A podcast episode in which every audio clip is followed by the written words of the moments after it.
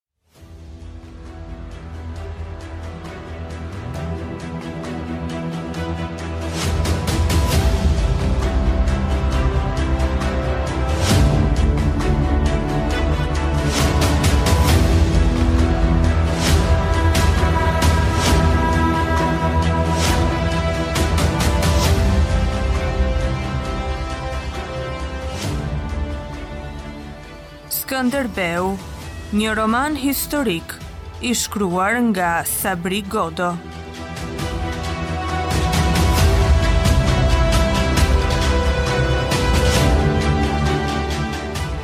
Pjesa e tretë.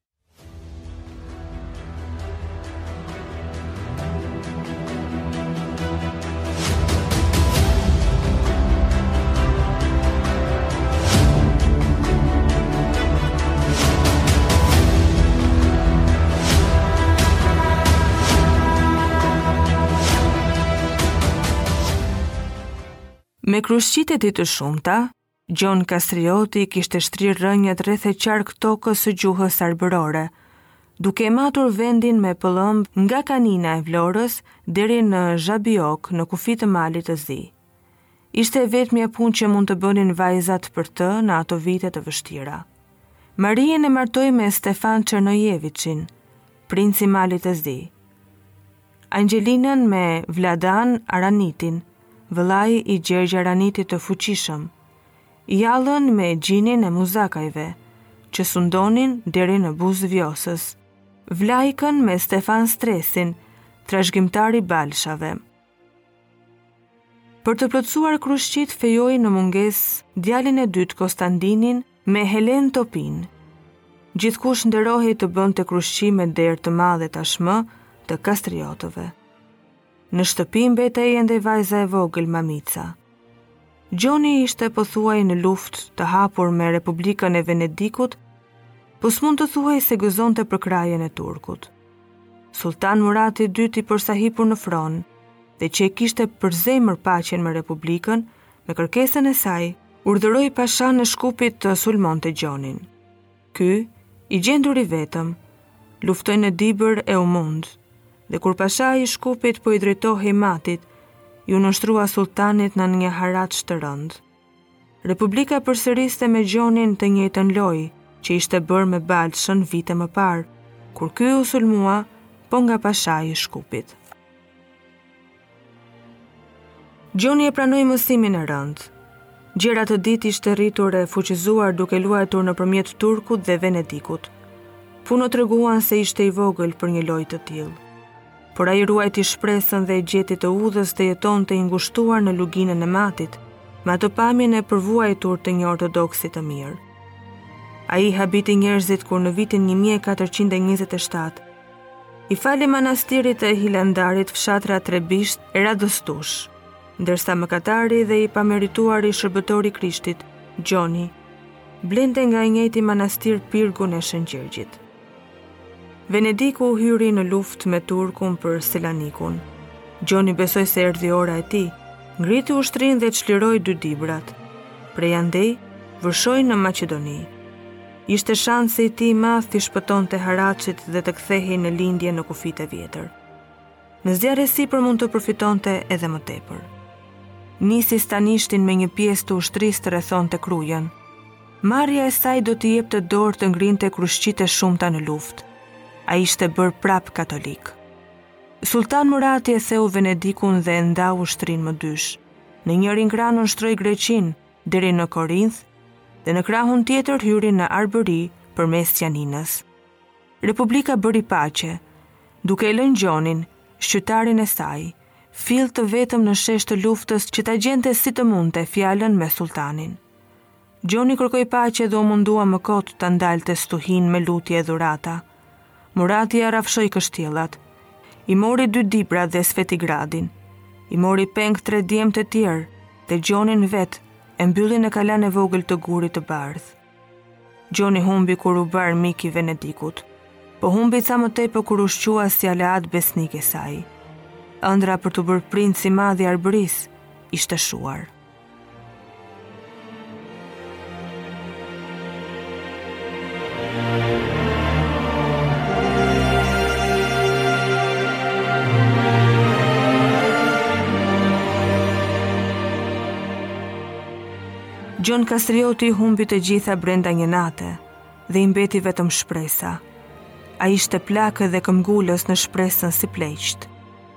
E spërkati prapë kokën e zbardhur, e ndërroi fenë për herë të tretë, e u bë mysliman me emrin Hamza. Kjo nuk shkaktoi ndonjë habi të madhe. Kishte një marrëveshje të heshtur të arbërit me fenë e cila ia pagëzonte trupin, po shpirti i tij mbetej i lirë. Rreth e qark edhe zotër të tjerë e vërtisnin kryqin në duar. Aq më tepër duhej ta vërtiste Gjoni, i mbetur i vetëm e me katër djemtë në Turqi, që duhej t'i ndihte sadopak. Po kjo nuk ia liroi lakun, se turku nuk i zinte besë.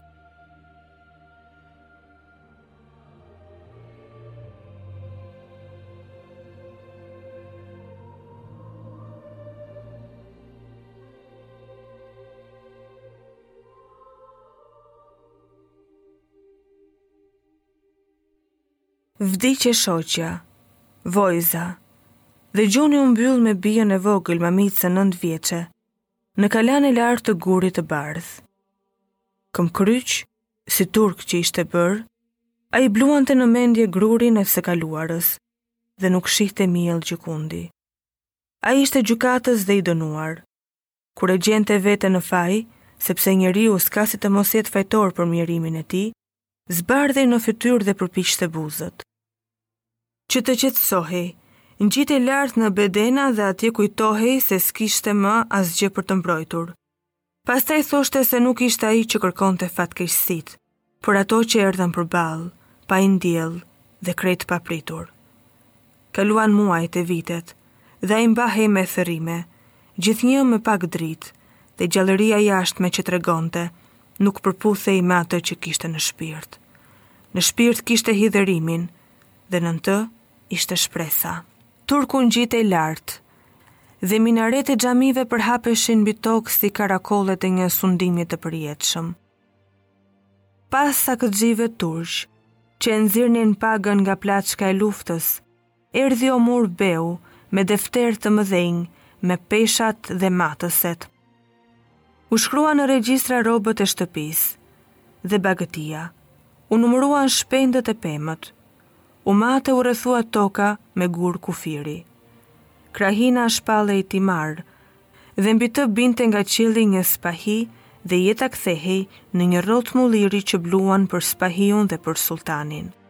Ky spahi, që ishte i përkohshëm dhe ngutej të fitonte ç'të mundte, merrte dy herë në vit, për Shëngjergj e Shënmitër, Taksa për çdo lloj prodhimi.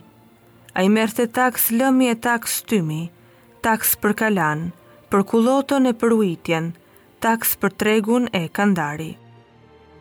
Pa duhej t'i çoje angari për të bulmetrat e grurin në tregun më të afërt dhe të ndërtoje angari rrugët dhe depot e shtetit.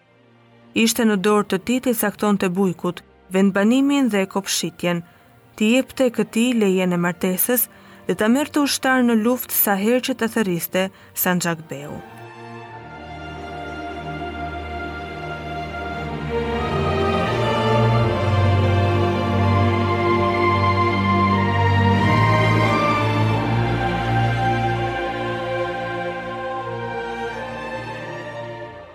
Mendja e turkut kishte llogaritur në defter çdo gjë që mund t'i merrej fshatarit duke i lënë aq sa të merrte frymë e të bënte punën.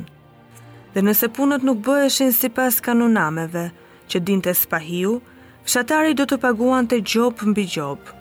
Ky spahi ishte si një sy i madh që shikonte nga lart çdo gjë, që të shtyp mendjen dhe të drejton gjymtyrët. Turku vuri peshat e tij dhe ai e dinte vetë sa dërhem bënte oka. Ai vuri kalendarin hënor në vend të atij diellor, dhe vetë koha filloi të sillej sipas matjes së turkut. Kjo ishte bujkrobëria, një angari që fillonte në djep dhe mbaronte tek buza e varrit. Por as i vdekuri s'mund të shkonte me mendje të mbledhur, se po të mos linte pas një mashkull trashëgimtar, Tokën dhe katandinë ia merrte spahiu. Ajo që përmbysi durimin e pafund të fshatarit ishte haraçi i gjakut, që binte mbi popullin në çdo pesë vjet, për t'i shkretuar vatrën e për t'i tharë krahun.